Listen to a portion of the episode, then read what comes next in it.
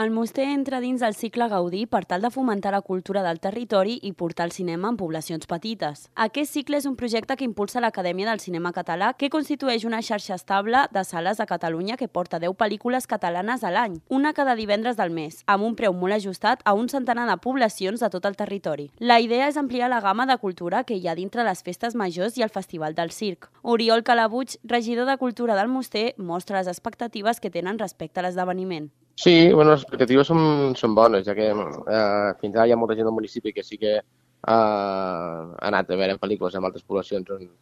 on estan adherits al cicle Gaudí i una mica veient la, la, la, la població que ja utilitzava aquest, aquest, aquest cicle en altres poblacions ens ha animat a, a, a adherir-nos com a municipi i poder oferir-li el, el, el servei al propi municipi. A més, el regidor esmenta que el cicle és una eina més de fer poble i que la gent pot arribar a fer pinya amb gent que no coneix.